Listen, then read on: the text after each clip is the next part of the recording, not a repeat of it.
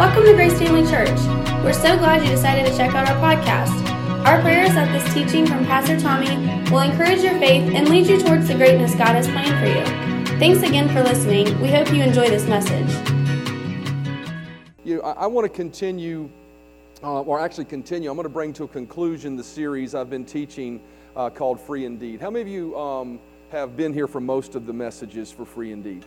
Um, I would encourage you um, a, a, to go back if you missed some of them and uh, go to, to the website and listen to those. Um, those are life transforming messages about who you are as a believer and what Christ has done for you. And, and we're going to review a little bit of that today. But, you know, as I was really standing here watching you guys mingle and talk, and I, maybe that's why I sort of cut the meet and greet a little bit short, was I just, um, God loves each one of you all so much.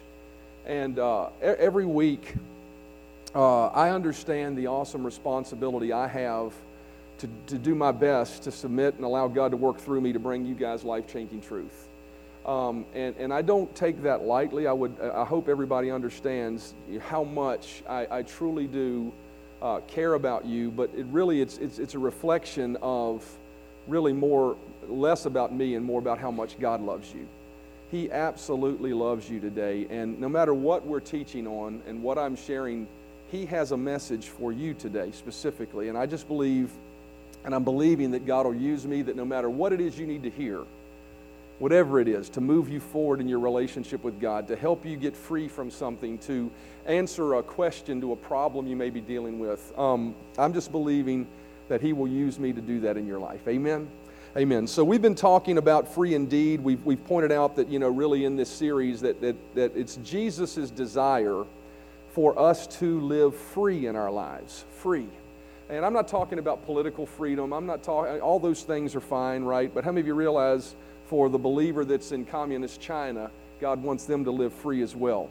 Um, right where they're at, even though their, uh, their, their uh, form of government may not be necessarily the kind of freedom we experience. God wants them to experience spiritual freedom, social freedom, mental freedom, financial freedom, all of those things. And, and so I'm just believing that as we bring this message to a conclusion today, um, we would further grasp his desire for us to be free. In John chapter 8, uh, verse 31, 32, and 36, we see Jesus calling us to this place of freedom. And uh, I will read these verses and then we'll pray and get started. In verse 31, it says, Then Jesus said to those Jews who believed him, If you abide in my words, and my, uh, you are my disciples indeed, and you shall know the truth, and the truth shall make you free. Therefore, if the Son makes you free, you shall be free indeed. Let's pray before we get started. Father, thank you so much that you love us. Thank you so much for your presence that we've experienced as we've turned our hearts towards you and worshiped you and lift our vo- lifted our voice and sung. Thank you so much for receiving our worship as we've honored you with our giving. And thank you as we've just fellowshiped together and loved on each other. Thank you for moving through each one of us to help us experience another aspect of your love, your love through each believer here.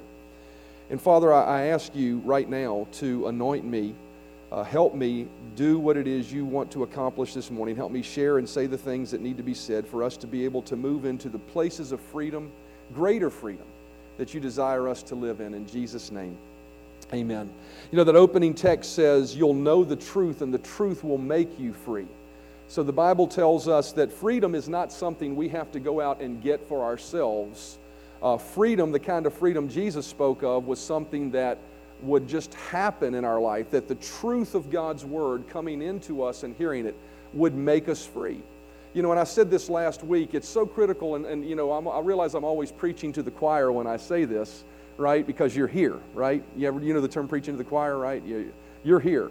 But, but it is so critical, and, I don't say this to, at all to increase church attendance, although I'd love to see every seat full here.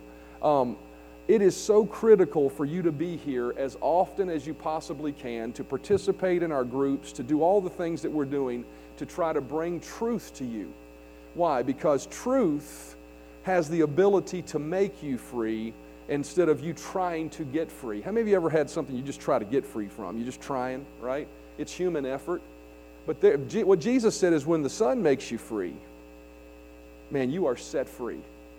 And, and the way we get free is not by making a decision that I'm going to quit this or I'm going to be free from this. The way we get free from something is by hearing the truth about what God says He is, what He's done for us, who He is to us, and who He says you really are.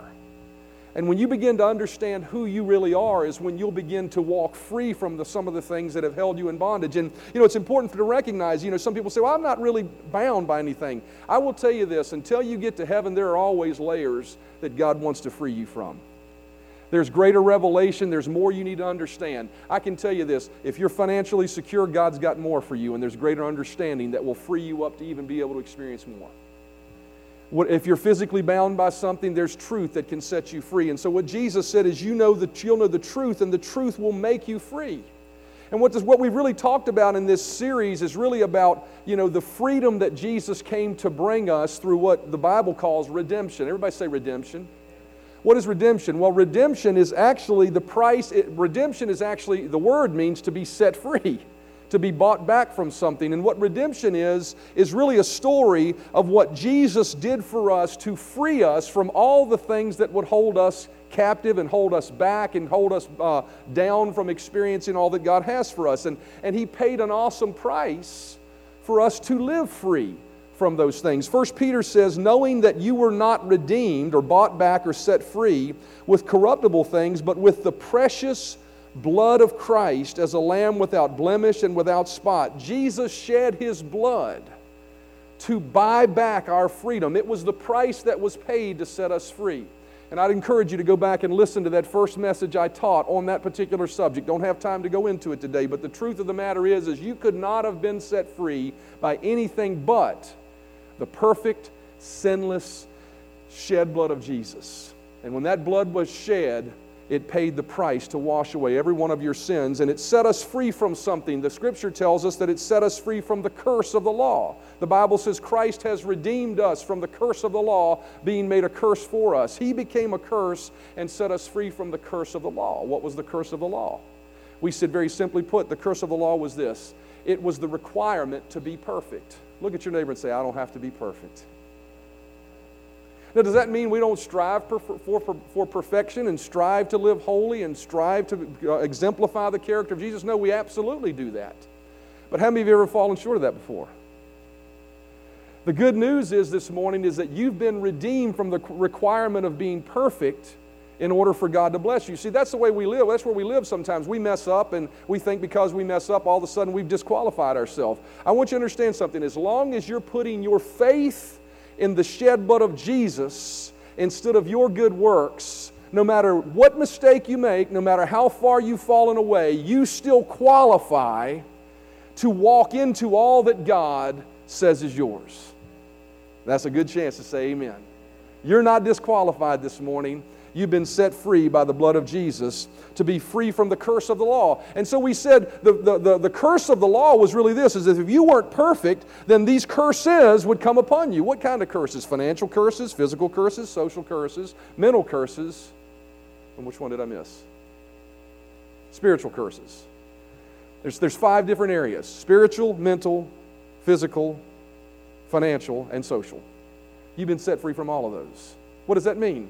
That means that uh, sickness, Jesus paid for you to live free from sickness. You say, well, I didn't realize that. How many of you realize that every form of sickness, every little ailment, every single thing that would come upon you and be anything short of the divine health that God wants you to walk in, you have been set free from that by the blood of the Lamb and the stripes that Jesus took upon his back. You say, Well, I don't live free from that. You shall know the truth, and the truth will make you free.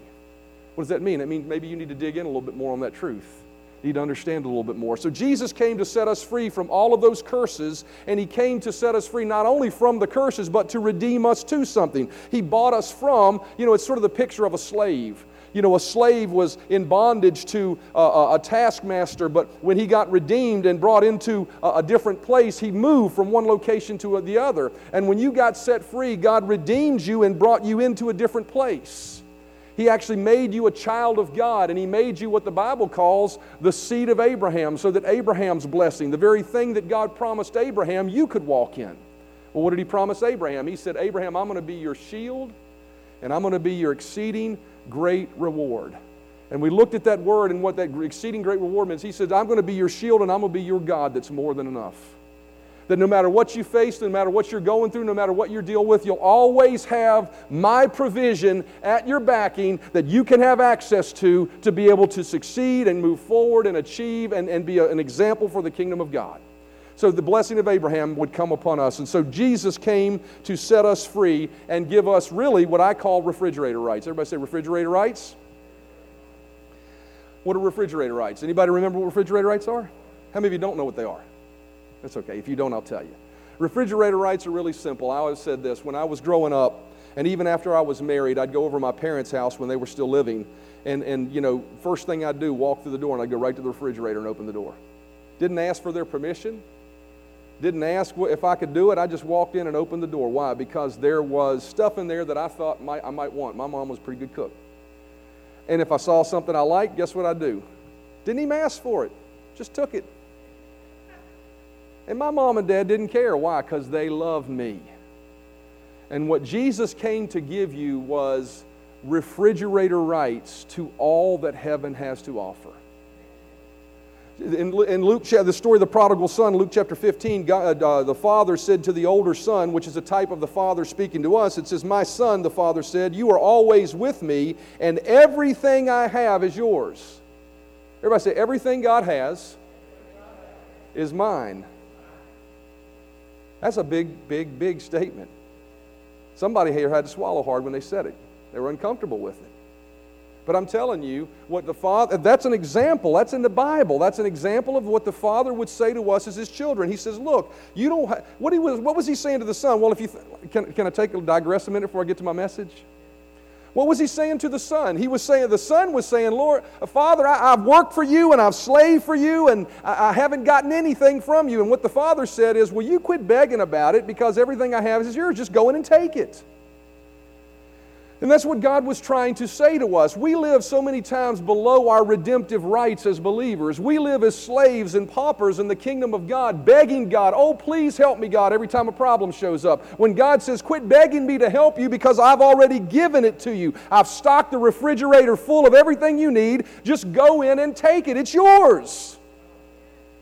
See, most people see themselves as serving a God who has their blessing in His hand and they're begging Him to relinquish it. I want you to know that when Jesus shed his blood and died on the cross, God did this.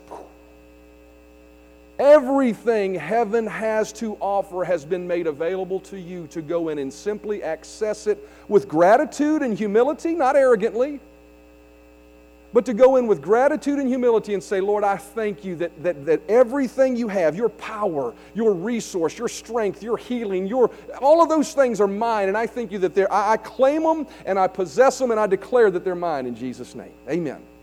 Amen. And so last week we talked about, you know, what was God's ultimate goal for redemption. All of those things are great. How many of you, it's, it's great to know that everything heaven has is yours. When you feast on that and chew on that a little bit, it'll change the way you live your life. You won't live limitedly in your thinking. You won't live in fear of certain things. But what we pointed out was that not only did he grant it to us, but the ultimate goal was to give us the promise of the Spirit. Galatians chapter 3 and verse 13 says, Christ has redeemed us from the curse of the law, having become a curse for us. Notice this, verse 14, that we might receive the promise of the Spirit through faith. See, He redeemed us not just so we could have everything heaven has to offer, but so that the Spirit of God could come to live on the inside of us. And I got to tell you, you know, uh, the last two messages are life changing messages if you haven't listened to them. God, that created the heavens and the earth, lives on the inside of you. No longer are we beggars and paupers begging a distant God to help us. We're walking with the strength and vitality. The same Spirit that raised Christ from the dead dwells in us. So much so that we are called the very temple of the living God. Everywhere you go, everything you do, God is with you. He is in you, He is moving in you. His power is moving in you. His healing is moving in you. His prosperity is moving in you. And as you release His power through the words that you speak in faith in His promises, you allow the power of God to begin to shape and form what your future will be. 2 Corinthians chapter 6 and verse 16 says, For you are the temple of the living God. God has said, I will dwell in them. And I love this phrase because it so personalizes this, it makes it visual for me. I will dwell in them and walk in them. Do you realize that the God that shook the heavens when He said, Let there be light, is walking in you right now if you're a believer? Just meditate on that for a moment. He's walking in you, He's moving in you. See, you say, well, how come I'm not? We have to know that truth. We have to allow it to seep in and take control of our thinking. We have to renew our minds to that. He's moving and living in you. And He also wants to live and move through you. Everybody say, through me. And this is really where I want to bring this message to a conclusion today, this series to a conclusion. Not only did God, does God give us His Spirit because He wanted to live in us and be intimate with us and love on us as closely as He possibly could, but He also wanted to love through us everyone our lives would touch. You know, you've often heard this said sometimes the only Jesus that anybody will ever see is the Jesus that lives in you. You have been called to be a person filled with the power and presence of God in such a way that when you interact with people, you allow that to move out of you so that they can experience a real and living God. See, the Bible says in John 3:16, "For God so loved the world that he gave." I want you to notice the phrase, it says, God so loved the world. How many of you realize you make up part of the world right now? And a lot of this series, the first five messages of this series, have been focused on the fact that He gave Himself for you personally. But really, what I want to do today is I want to bring this message to a close and to a head and to a culmination with us understanding that it wasn't just so He could touch us only. It was so that He could. How many of you realize there's more people in the world than just you?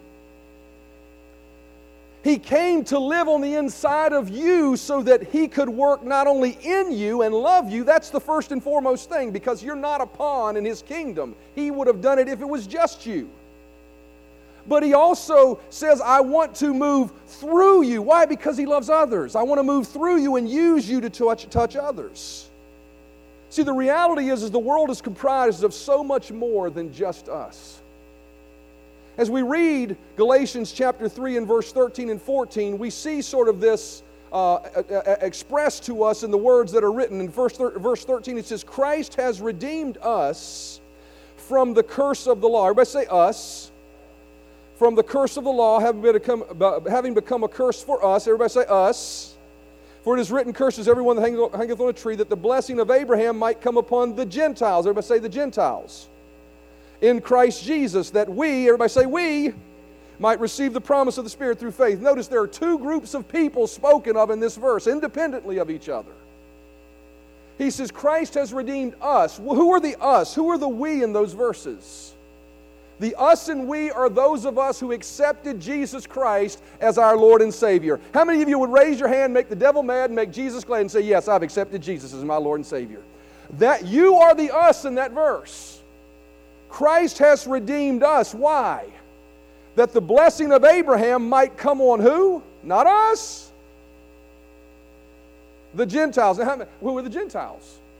Really simply put, I'm not going to go into great Bible history on this. You can look it up and you can find out this is truth. the Gentiles is anybody who has not accepted Christ yet. It's the lost world. And what this verse is saying is that Christ has redeemed us and placed His glory in us, placed a treasure in earthen vessels, made us the temple of the living God, placed His healing, His power, His might, all of His glory in us, so that through us the blessing of Abraham could come on a lost world. See, God's intent was not for the government to be the, the assistance that people found in the world, although that men have evolved to that. God's intent was for the church to be the one that blessed. And not so much naturally, but spiritually speaking, the church would be the one delivering such truth that truth made people free. See, God never called the church to be a social uh, uh, uh, fix. He calls every, everything in this life, you, do you understand this? Everything in your life emanates from that which is spirit. I didn't plan on saying any of this. The Bible says God is a spirit. How many of you realize before there was a heaven and earth, there was a spiritual God? And something spiritual created something natural. So everything in your life, even though you may not be as completely aware of it, emanates from a spiritual place. Heaven and earth shall pass away. Our bodies will fade. Our breath in this life will end. But your spirit will go on forever. And what this verse tells me is that Christ set me free so that I could come to know that truth in such a way that as I went forth and loved people, right? Not that I become some spiritual, you know, monk or guru or something, right? Just that I just naturally care about people and be nice to people and, and bless people and pray for people, right? Obey God and lay hands on the sick and expect them that they recover by the power of God that's been placed in me. And you too, you should do that, right? As we do that, that what we're doing is we're pouring the blessing that God placed in us on a lost world. It is God's desire that we would be a blessing. I want you I want to read this verse again. I sort of rewrote I didn't rewrite it because that would be bad, right? But what I did was I sort of expounded on the us and we and the Gentile in this so you could really understand what he's saying here. And I don't know if you got it up there, but this is what it says is Christ has redeemed us, the church, the present day body of Christ. From the curse of the law having become a curse for us, the church, the body of Christ, the present day body of Christ, that the blessing of Abraham and we said, you know, we said this was a right to be called a child of God, an heir of God, and all that he possesses, so that the blessing of Abraham, the right to become a child of God, an heir of God, and all that he possesses, might come upon who? The Gentiles, the lost world that have yet to accept Christ. That we, the church might receive the promise of the Spirit through faith. Now, I'm going to talk to you about this last phrase that we, the church, might receive the promise of the Spirit in more fullness. See, last week we talked about the promise of the Spirit, and what we said the part of the promise of the Spirit was was what? Him coming to live in us. No longer God being distant, no longer having to beg a distant God to help us, but knowing that He would live and move and have our being within us. Amen? But God's intent was not for us to bottle that up and keep it just for ourselves. God's intent was for us not to be just a church where we come together and we just worship God and we're slap happy, clap happy because He's so great. And we never touch anyone else. That's why we have Mission Sundays and we give to missions. Want to let you guys know I'm grateful for your gifts. We were able to give about $500 to Antoine Weiss and, and what they do around the world. I don't know if you had a chance to see some of the videos we posted of him giving thanks and thanking us. Um, but, um, but we were able to bless them. That's why we do that, right? Why? Because God doesn't want us to just be selfish and self centered about what He's given us. And that's always been God's intention when He blessed us. See, some people have a problem when we start talking about the fact that God wants to bless you abundantly. Religion has a problem with that. And you know, many times religion has a problem with it because people don't trust themselves as much as God trusts them. They're afraid that if they get a little too much, they're going to forget God. And you know what? History has proven that time and time again. As you look through the Old Testament, you'll see God, you know, Israel strayed away from God and got lost, and then He would fix them and bless them abundantly, and then what happened? They run away again. What will you find to be true is God never stopped blessing them. See, God trusted them, and God trusts you to bless you as, as, with, with all, well, He already did, right? He redeemed you. He gave you all the resources of heaven that you could possess as you, get, as you gain knowledge and understanding of that. And so God has always intended to bless His people to the max, abundantly. Not just so your needs are met, not just so you barely get along, not just so your bills are paid, but so that you had so much abundance that you could just bless people all the time and it wouldn't be a problem. You say, come on now. Yes, that's His intention. We can see it. In Genesis chapter 12 and verse 2, that was his promise to Abraham. Genesis 12, 12 and verse 2 says, I will make you into a great nation, and I will bless you. Well, what does that mean, I will bless you? Oh, bless you, brother. Bless you, brother. Abraham, I'm going to bless you. Bless you, brother. Oh, you're such a blessing. Is that what it meant? No, because as we look at what he did with Abraham, and a few verses later it says, Abraham, because God blessed him, was very rich in cattle and gold and silver and owned so much land and had so many possessions that his own nephew Lot couldn't dwell with him because they were running over each other. Who did that? Oh, the devil did. No, that's not what my Bible says. It says God did. See, it says, it says, I will make you into a great nation and I will bless you. That is God's promise to Abraham. And I want you to understand something. That is God's promise to Grace Family Church. He will make us into something great. Not because we want to be great. Maybe at one point in my history that was something I cared about. I could care less about being great. What I care about is touching as many people as possible with the blessing of Abraham that God has placed on the inside of me with the Spirit of God so that they would be set free and know that God is a good, good God. He's never a bad God. He never wants to harm you. He never has some divine, mysterious plan in the bad that happens in your life. His desire is to take the bad in your life and turn it around for good. And what he said to Abraham says, I will make you a great nation and I will bless you. I will make your name great. And notice this, the last part is so important, and you will be a blessing. Look at your neighbor and say, God wants me to be a blessing. We, are, you know, we, we, uh, the Spirit of God spoke to my heart a couple years ago about a phrase for our church, and this, this church is to be a place where we're gathered together to worship God, to meet friends, worship God, hear the Word, and be a blessing.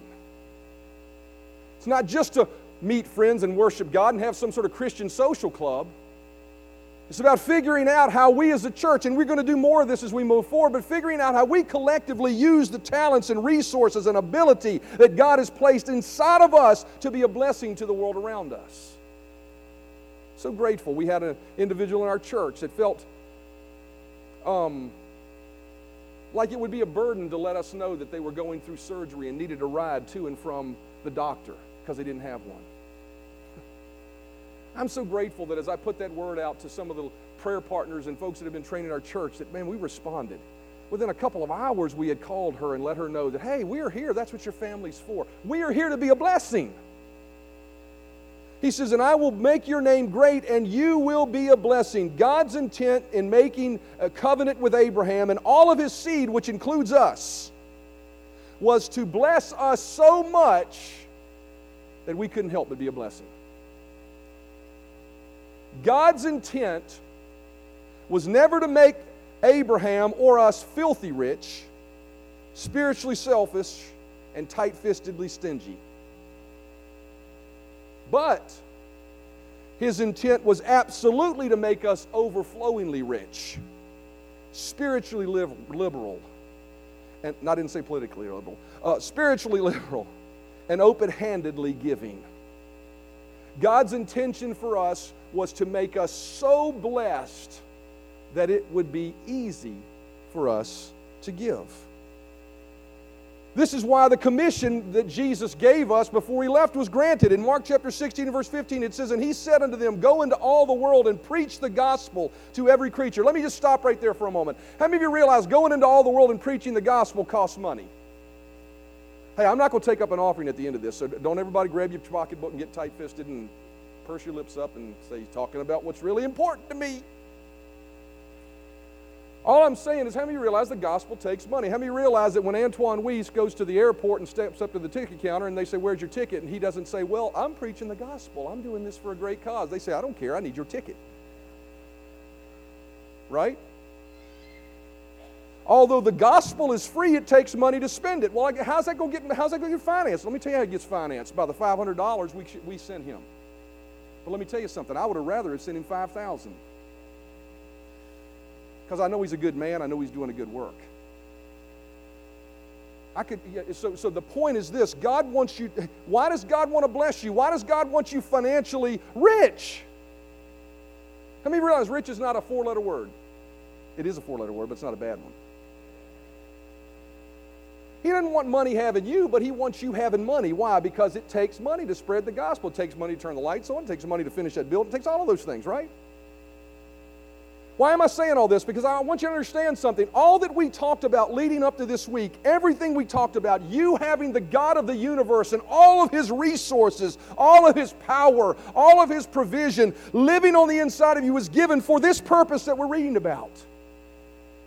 So that the gospel could be spread, the good news could be spread. It says, He that believes and is baptized will be saved, and he who does not will be, be believe will be condemned. Why is it necessary? Because there is a heaven to gain and a hell to shun. Within a stone's throw of here, I can tell you, we live in a what people would call a Christian nation, although that's beginning to be in question. Even, I mean, even politically, it's being big in question whether we're really a Christian society or have we homogenized. But I can tell you, within a mile of this building, I can guarantee you there is someone who has yet to commit their life to Christ. There's a heaven to gain and a hell to shun for that person. And so it's necessary for us to be go forward, to be able to go forward and spread the gospel. It says, "And these signs will follow those who believe. In my name they will cast out demons." There are people that are bound by demonic forces that need to be set free by the spiritual power that lives on the inside of you. In my name they shall cast out demons, they shall speak with new tongues, they will take up serpents, and if they drink any deadly thing, it will by no means hurt them. They will lay hands on the sick and they will recover. God desires for His body to be so uh, immersed with an understanding that they are filled with the power of the very Most High God, that they understand that they're no longer operating by their own power. You realize when you see a sick person and you have a, an unction to even pray for them or they ask you to pray for them, it's not your power that's healing them. But it's your, it's your responsibility to step forward and release what you may not even realize is on the inside of you yet. You don't have to be some great evangelist and come out and, you know, you don't have to be like that, right? Somebody can tell you I'm sick, and you say, would you, would you mind if I pray for you? Because the Bible says that as a believer, I can pray for you and you'd be healed. Could you believe that with me? It's going to rely on them to believe that some, right? But if they say, Yeah, I'll believe that with you, pray for me. Somebody ever said that to you, would you go, Oh, oh no, I got to do it now, right? No, you don't have to do it now. All you have to do is say the words and let that power out. See, the reality is, is God placed His Spirit in you so that you could live free and that so you could live liberal. His intent was to fill us with so much of Him and His provision that we would easily and liberally pour Him and His goodness through us to others. 2 Corinthians chapter 9 and verse 8 and 11. I want you to see this in reality. Why did I teach this series? Just so you could be happy about what you have? Well, absolutely, because God loves you. But there's even greater intent for it. There's a higher purpose. It says, yes, God is more than ready to overwhelm you with every form of grace. Everybody say overwhelm. You ever been overwhelmed by something? I would venture to say most people are more overwhelmed by bad things than ever being overwhelmed by God. But God's will is to overwhelm you this morning with every form of grace. Notice this, so that you will have more than enough of everything. Everybody say more than enough. How many of you realize if the electric bill is $100, then more than enough would be at least $105, right? Right? If your vacation costs $3,000, how many of you realize more than enough would be at least a little more than 3000 God is not a God of barely get along. God is not a God of just meet your needs. He is a God that is a God that is more than enough. And He was more than enough to Abraham, and He's more than enough to us as children of Abraham who've accepted Jesus as our Lord and Savior, and He wants to be this to you. He says He will, He is more than so that you will have more than enough of everything, so that you, having all sufficiency in all things, I haven't gotten there yet. Although spiritually I am all sufficient in all things, there are still things where I still need. I still hadn't showed up yet. How many realize I'd love to stroke a check right now for the full $600,000 to fix that building get it done with so we can move on to other things? I believe that we receive that in Jesus' name. I already possess it in my heart. I just ain't seen it yet. That's why I confess that building's paid off. That building's paid for, that project's done. Just a matter of time before it comes in. But I haven't, I'm not walking in that all sufficiency right now. But God is more than enough so that you, having all sufficiency, will abound to every good work. He says He wants you having so much that you can abound to every good work. You know what it means to abound, right? It's to bound toward it, right? So you can run to the battle, so you can run to the problem, so you can run to the need.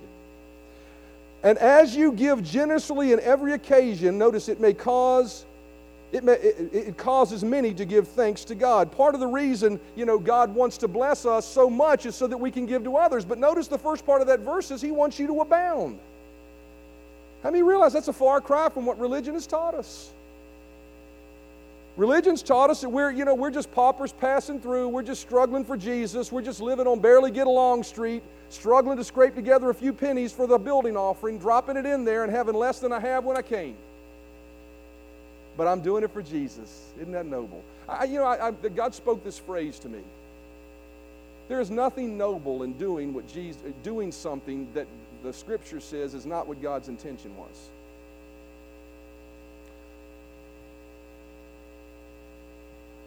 How many of you realize give and tell it hurts? There's nothing noble in that. All that is is a lack of understanding of the fact that God never intended you to give till it hurts. He intended for you to be so blessed that you can easily give. But what's happened is we've pasted a badge of nobility on giving until it hurts to the point that we embrace that as this is a great thing for me to be like this.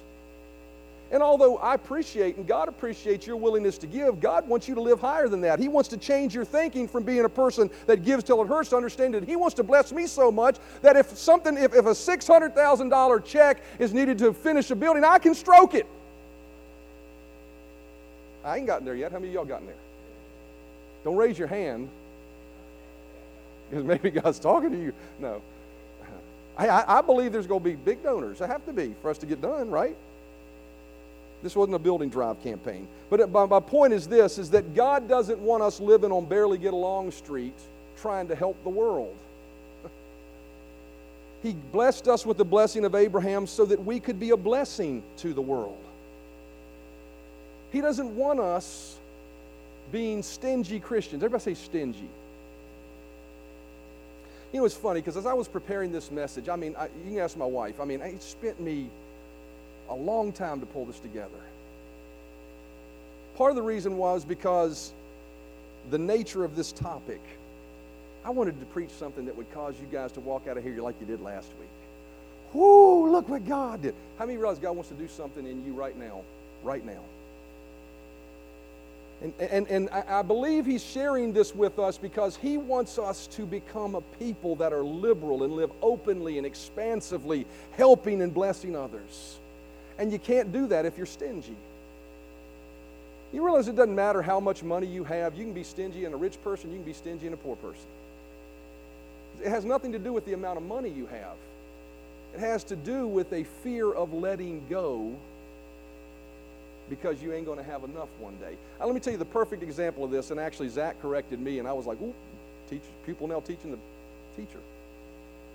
My kids we, we've done all we can to bless them and, be, and, and, to help them, and we, we buy them clothes, and you know all of them are different, uh, you know, high schoolers now, and Zach has these shirts that he likes to wear, and my daughter likes to go down and take his shirts without asking for them, and that's not polite, but she does, and you know the two girls swap clothes, and it never fails, and it's never one of them, right? It's always somebody took my so and so. You know what my response always is to that? Quit crying about it. There's more where that came from.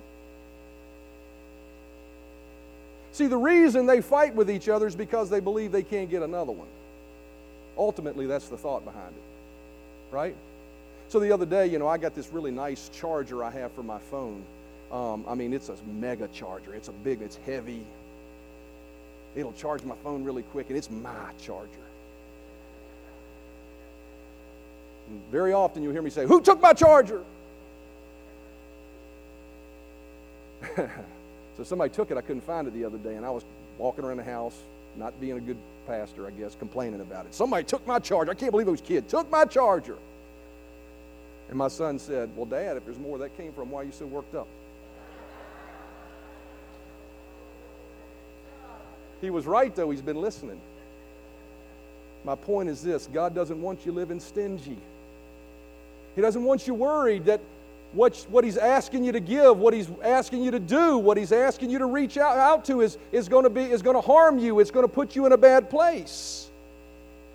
God redeemed us so that we would not be stingy and hold on to things so tightly for fear of losing out or running out.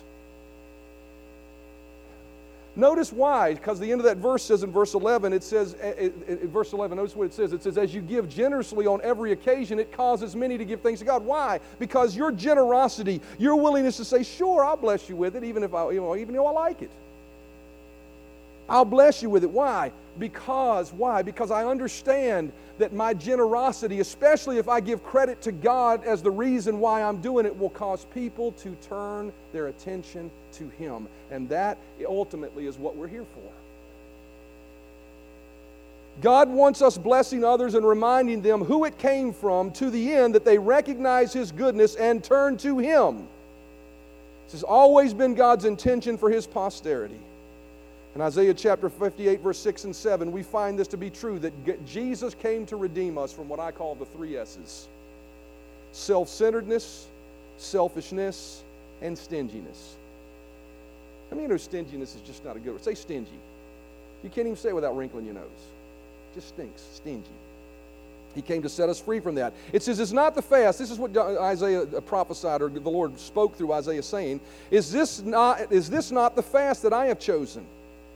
To loose the bonds of wickedness, to undo the heavy burdens, to let the oppressed go free, and that you break every yoke? Is it not to share your bread with the hungry, and that you bring your house, uh, bring into your house the poor who are cast out? When you see the naked, that you cover him, and you hide not yourself from your own flesh. God has called us to a life of pouring out the God that lives on the inside of us and the provision that He's given us to others but not to the end that we're exhausted, to the end that it hurts.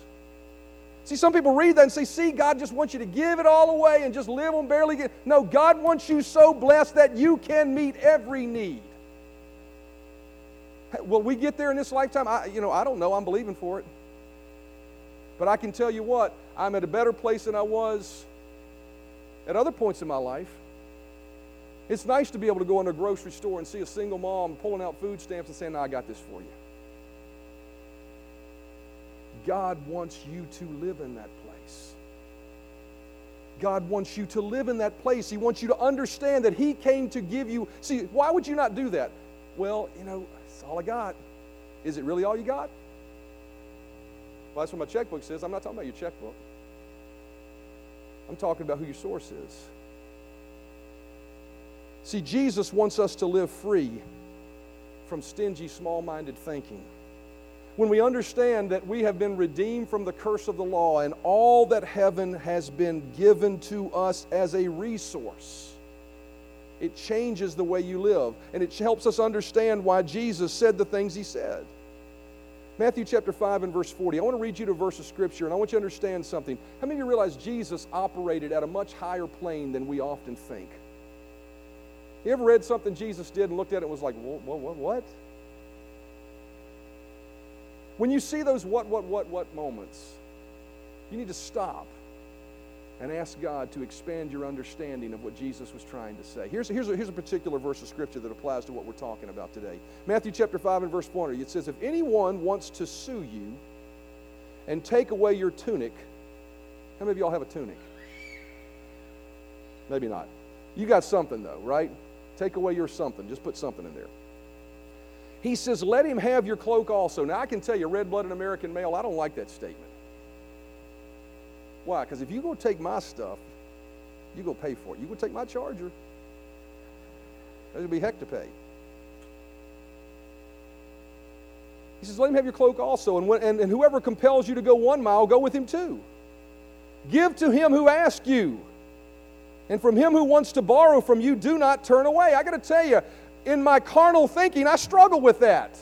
Let me tell you why I struggle with that. The same reason everybody struggles with it because of a limited mindset in my thinking. We struggle with this because of a lack of spiritual perspective of an unlimited supply and partnership with God. See, the first reason we struggle with is because we see somebody taking something from us as them taking a limited supply of something, or maybe all of something. Well, that's the only tunic I got, that's the only charger I got. When the reality is there's more of those to be gotten. The question is, do I just have the resources to get it? And you know what? According to Scripture, I do. Hopefully, this is really, y'all are listening, right?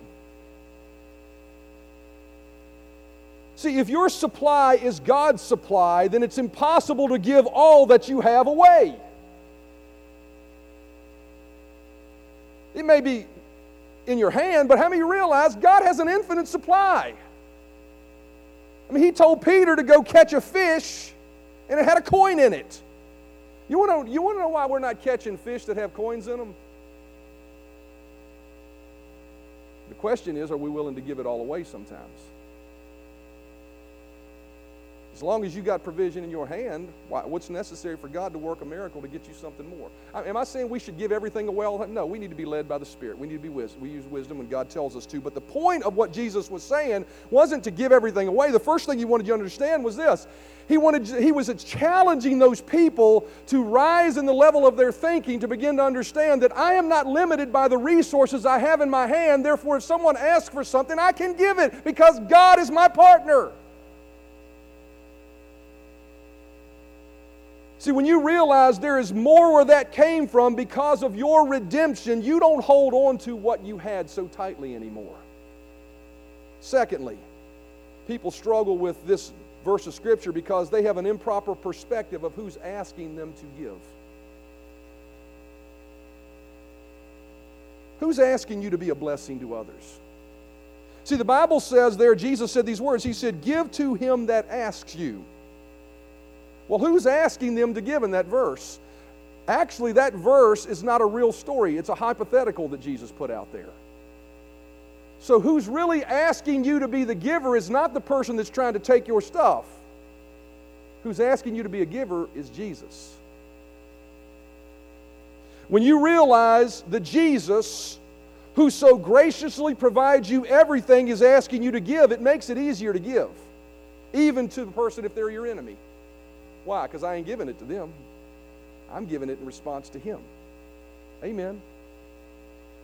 Thirdly, they have a problem with, with giving when it seems like they're going to be losing because they have an improper perspective of who they're giving it to. Not only is He asking you to give it, but when I give it, as I said, I'm giving it to Him. You're being compelled to give to a God who's asking you to be a giver. And when you realize you're actually giving to God based on His promise of redemption, that, uh, that all He has is yours, you can do it joyfully. Why? Number one, because you're just grateful. How many realize we should live grateful? God, what I have, you gave it to me. You know, I remember one time when I was really, when my, one of my daughters was really little, and I took them to the grocery store, and they, I can't remember what candy it was, but it was a, a particular candy that 10 pieces of candy came in the package. 10 pieces. So I, she asked for the candy. I bought her the candy. And we're walking out, and I asked, Could I have one of those? She's like, No, it's mine. Now, I thought, I, I chuckled and just left her alone, right? Probably shouldn't have. But that's the way some people respond with God. You realize everything you got is His in the first place? He gave it to you. And when he asks you to tithe or he asks you to give offerings or he asks you to be a blessing, he asks you to step out and give maybe love to somebody that you haven't wanted to give love, give forgiveness when you didn't want to give forgiveness, you realize it's him asking you to do it. Right? The giver of it. So it makes it easier for us to do it. It also makes it easier for us to do it because when you give to God, how many of you realize that's a pretty good person to be given to? Let me tell you why. Proverbs chapter 19, verse 17 says this Every time you give to the poor, the needy is what that word means how many of you realize he's not talking about just physically, financially poor, right? How many realize a person can be poor in spirit, poor in health, poor in whatever? Every time you give to the poor, you make a loan to who? To the Lord. Don't worry, you'll be repaid in full for all the good you've done. See, what that verse says is, is if we recognize we can live openly, liberally, expansively, we can bless people, we can help them financially, we can pray for them physically, we can be givers with no fear of the, re, the, the, recourse of doing that. Why? Because when I do that, I'm actually lending what He gave me to Him, and He's going to repay me for it. How many realize He's better than any 401k? He's more faithful than any retirement plan. He's more faithful than the amount of money you have in your checking account. He's more faithful than any of that. And when you give to Him, you are investing in something far greater than anything you could naturally hold on to with your stingy little hands. Amen? He's calling us away from a lifestyle of being selfish. You know, as I, as I prepared this message, I can tell you, you know, one of the things I really prayed that would come across in this message is not only, it's not just, you know, encouraging people not to be stingy, but to recognize the life that He's called us to.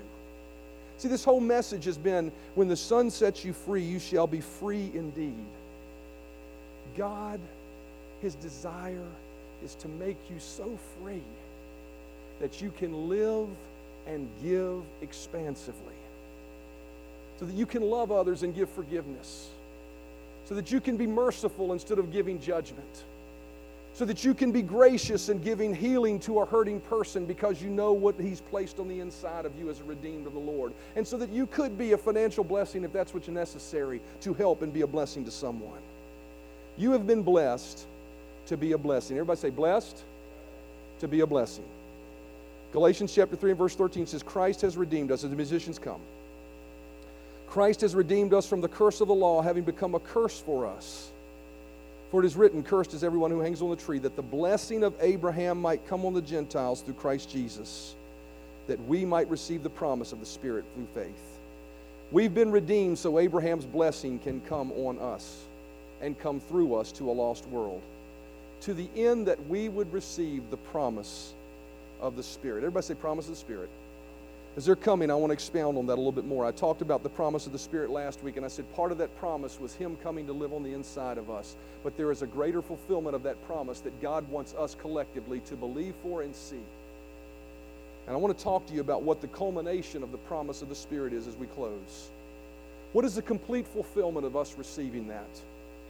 Acts chapter 2, verse 17, 19, and 21 says this It says, For God says, this is what I will do in the last days.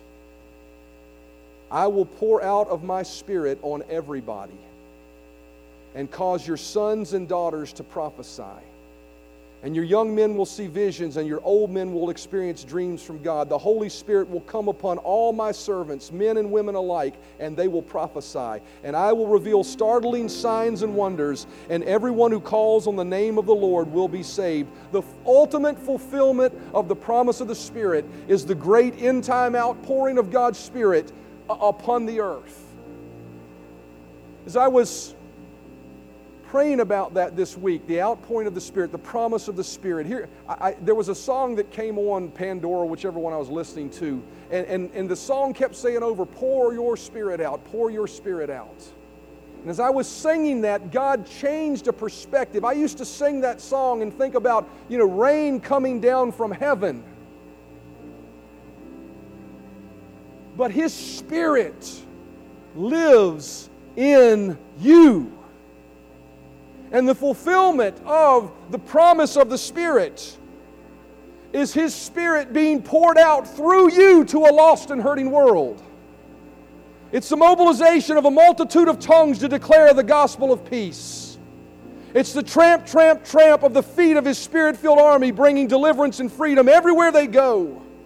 And it's the sound of God's mighty harvesting sickle reaping a great harvest of the lost, the hurting, and the hungry. That is the fulfillment. That is the calling. That is what we've been called to is to participate in that as a church. It's the culmination of the end of this age that we're talking about. Matthew chapter 24 and verse 14 says, And this gospel of the kingdom will be preached in all the world as a witness to all nations, and then the end will come the promise of the Spirit and its fullness being fulfilled is every believer being so filled with the Spirit of God that they're going forth and declaring the truth to a lost and hurling world so that at some point God can say, It has been preached enough in the entire world that the end would come. What end? That the trump of God would sound, that Jesus would descend from heaven and gather his church back to himself, and we'd enter into that millennial reign that the Bible talks about. See, the culmination of what we're talking about is participating with the Spirit of God so that we take part in that great end time outpouring. Christ has redeemed us. Galatians 3:13 from the curse of the law having become a curse for us that we might receive the promise of the Spirit. We've been redeemed, set free from being perfect, to qualify for all that God promises. We've been set free from every curse that would result in not being perfect. We've been set free to give to be given all that God is living on the inside of us. We've been set free to become a habitation of God and have intimacy with Him. And we've been set free to pour His Spirit out through us to be a blessing to the world. Jesus said, And you shall know the truth, and the truth shall make you free. He wants you to live openly and expansively today, not stingily and tight fisted. Be a giver. Be a giver at every turn, at every opportunity, recognizing that you've got the God of all heaven backing you. Bow your heads with me. Father, thank you so much. I've done my best to, share as the pastor of this church what you've placed within my heart for this body of believers that we have been called to be a blessing. That we would go out of this place and we would look for lives to touch. That this would be an organic thing, not a program we establish, not a organizational thing, that each one of us would have a passion burned on the inside of us that says, because of what Jesus did for me, I can freely and liberally give to others. That we would pray for the sick, that we would cast out devils, that we would preach the good news, that we would invite people into God's house to understand just how good He is. I pray, Father God, that you would use this church as a sickle in your hand to reap the lost the hurting, and the hungry. To reap the lost, the hurting, and the hungry. Pour your spirit out through us. Move in mighty ways through us. Give us wisdom to yield to your spirit. Give us understanding in how to move with your hand. Help us reach the place where we've been planted. Pour your spirit out, Father. Pour your spirit out, Jesus. Holy Spirit, live big through us. Help us reap the harvest. We're grateful we've been blessed, but we won't keep it to ourselves. We'll declare the good news. I thank you for it, Father. Every head bowed, every eye closed, no one looking around. If you're here, you never made Jesus the Lord of your life. You're not sure whether you'd go to heaven or hell in this moment. If you took your last breath, you're not sure whether heaven would be your home. You can be. Jesus paid a price for you, and all you have to do is open your heart and receive Him. If that's you this morning, you need to make that choice. Would you raise your hand and say, Yes, Pastor, that's me. I want to accept. Nobody's looking around. I want to accept Jesus as my Lord and Savior. Anyone at all? anyone. I'm going to wait just a moment. I think I see. Are you raising your hand? If that's you, if you're raising your hand, just go ahead and put it up there. Be bold, be proud, so I can be sure. Anyone at all? If you raise your hand, I want you to say this prayer after me along with everyone else. They're going to pray it with you so you're not singled out. If you mean this from your heart in this moment, God is going to make you his child. He's going to place all of heaven on the inside of you. He's going to make you a new creation. Say this with me. Say, Lord Jesus, I believe you died for my sin. You shed your blood to wash it all away. I accept your forgiveness right now. I confess you as my Lord and Savior. You are the sole reason I can call heaven my home. I didn't earn it, you gave it to me freely. Thank you for that, Lord. In Jesus' name, Amen and amen. If you prayed that prayer for the first time, come tell me after the service. I want to bless you with a free gift. I want to give you some books to read to help you in your way. And, you know, I just, as I prayed that prayer, I, you know, there are moments in time where things spiritual happen. And as I prayed that prayer about God making us a sickle in His hand, giving us the wisdom and understanding to know how to do that, I believe that's the cry of this heart, of the heart of this church right now. Just make yourself available when the opportunity presents itself. Be a giver, be a blessing. And as we do, I believe God's going to move through us and do what we cannot do.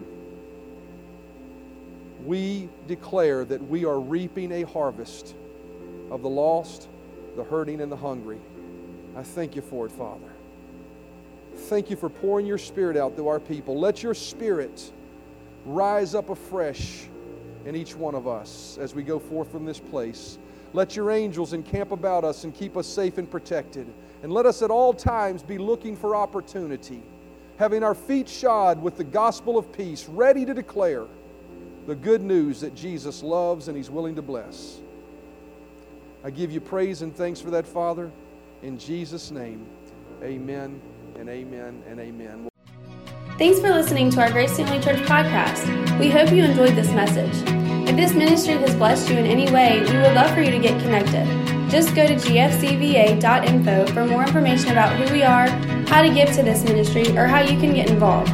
Thanks again for listening, and we hope to see you soon.